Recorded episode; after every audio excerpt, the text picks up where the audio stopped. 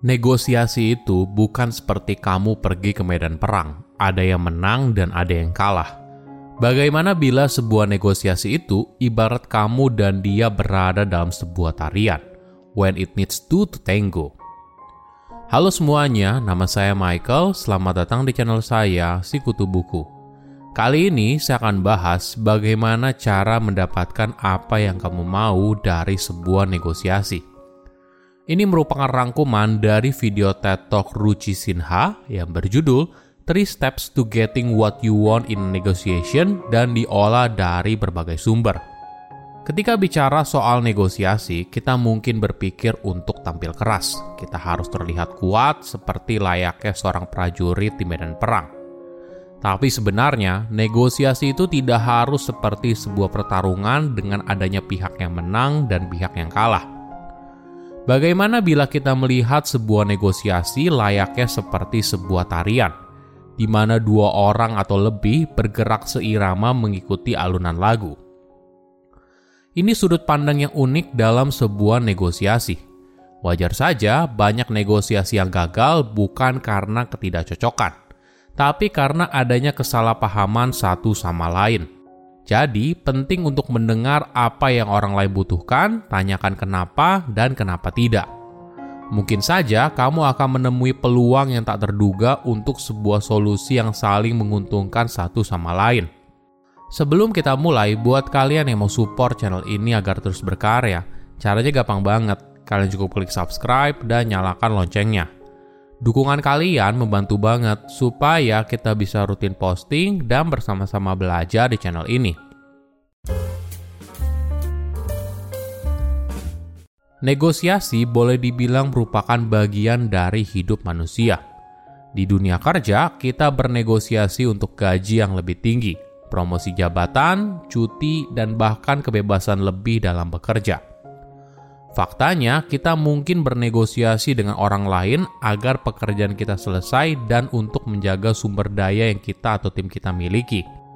Sayangnya, ketika kita masuk ke dalam sebuah negosiasi dengan pola pikir yang salah, dengan anggapan seperti ingin berperang, maka kita tidak akan berhasil. Kenapa? Karena negosiasi bukan soal mendominasi orang lain. Negosiasi adalah soal menjalin sebuah hubungan dan sebuah hubungan hanya bisa tumbuh ketika kita menemukan cara untuk saling memberi dan menerima. Apa tips untuk bisa mempersiapkan sebuah negosiasi yang sukses? Pertama, lakukan riset. Cari tahu dulu apakah yang kamu minta itu realistis atau tidak. Apa yang kamu mau dan hal apa yang membuatmu batal. Mungkin hal ini terdengar masuk akal, tapi terlalu banyak orang jarang memikirkan hal ini dengan matang. Contohnya, kamu sedang melakukan negosiasi gaji untuk pindah ke kantor baru. Ketika ditanya soal ekspektasi gaji, kita biasanya berpatokan pada gaji di kantor sekarang. Namun ini sebenarnya bukan tolak ukur yang baik. Kita bisa saja berakhir meminta terlalu banyak atau terlalu sedikit. Nah, bagaimana bila kamu cari tahu dulu berapa sih kisaran gaji untuk posisi yang sedang kamu incar? Coba lihat laporan panduan gaji. Biasanya beberapa perusahaan headhunter rutin mengeluarkan laporan ini tiap tahun. Bisa juga kamu ngobrol dengan jejaring profesionalmu untuk mencari tahu kisaran terendah, rata-rata, dan tertinggi dari jabatan tersebut. Lalu, coba nego dengan angka yang mendekati batas atas. Buat justifikasi yang jelas kenapa kamu merupakan kandidat yang cocok dan oleh karena itu kamu berhak untuk gaji tersebut. Contoh lain, misalnya kamu yang melakukan negosiasi untuk waktu kerja yang lebih fleksibel, karena kamu harus merawat orang tua yang sakit. Kamu perlu mencari tahu soal kebijakan perusahaan terkait kerja dari rumah. Tanyakan diri kamu kapan dan kenapa kebijakan itu dibuat Coba pikirkan juga apa skema kerjamu yang berbeda bisa mempengaruhi kinerja tim. Kamu bisa membuat presentasi singkat yang menjelaskan kalau sebagian pekerjaanmu itu sebenarnya bisa dikerjakan dari rumah dan tidak akan mengganggu kinerja tim yang sudah ada.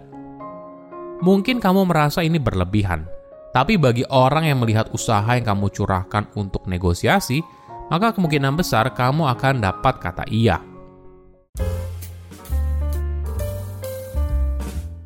Kedua, persiapan mental untuk negosiasi. Meminta sesuatu kepada orang lain kadang bisa berujung emosional. Dalam negosiasi, ada banyak perasaan yang nyata dan kompleks, misalnya rasa takut, keraguan, marah, atau bahkan rasa sakit. Penting untuk punya strategi bagaimana menghadapi semua perasaan tersebut. Mungkin salah satu strateginya adalah dengan mindset defensive pessimism. Artinya kamu berusaha memasang ekspektasi yang rendah atas usaha yang dilakukan tidak peduli seberapa bagus usaha tersebut di masa lalu. Alhasil, kamu jadi berusaha untuk mempersiapkan diri lebih sehingga kamu bisa menghadapi tantangan yang muncul. Strategi lain adalah emotional distancing. Idenya adalah kita berusaha agar tidak terlalu melekat pada sebuah hasil tertentu. Hal ini mudah diucapkan tapi sulit dilakukan. Kita mungkin merasa marah dan terluka ketika identitas diri kita terancam atau dalam sebuah interview kerja, pasti ada perasaan agar bisa diterima di perusahaan tersebut. Tapi perlu kamu sadari, apa pun hasilnya, entah kamu diterima atau ditolak, hal ini bukan merupakan ukuran atas nilai diri. Penting untuk diingat, tidak apa apabila kamu berhenti sejenak dari sebuah negosiasi ketika kamu merasa terlalu emosional. Kamu bisa bilang, "Oke, coba saya pikir dulu ya, besok akan saya kabari." Ketiga, coba tempatkan dirimu dalam posisi orang lain. Sebelum masuk ke dalam sebuah negosiasi, coba bayangkan kamu sebagai lawan bicara. Apa kira-kira kebutuhan mereka? Apa solusi yang mereka butuhkan? Apa tekanan yang sedang mereka hadapi? Apa resiko yang akan mereka ambil? Apakah mereka punya kuasa untuk bilang iya atas permintaan yang kamu ajukan? Dalam sebuah negosiasi, ketika kamu membuat sebuah penawaran, cobalah pertimbangkan dua sisi, kebutuhanmu dan kebutuhan lawan bicara.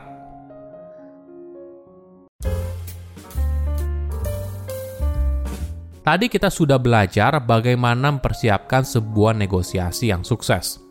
Nah, sekarang apa yang harus dihindari dalam sebuah negosiasi?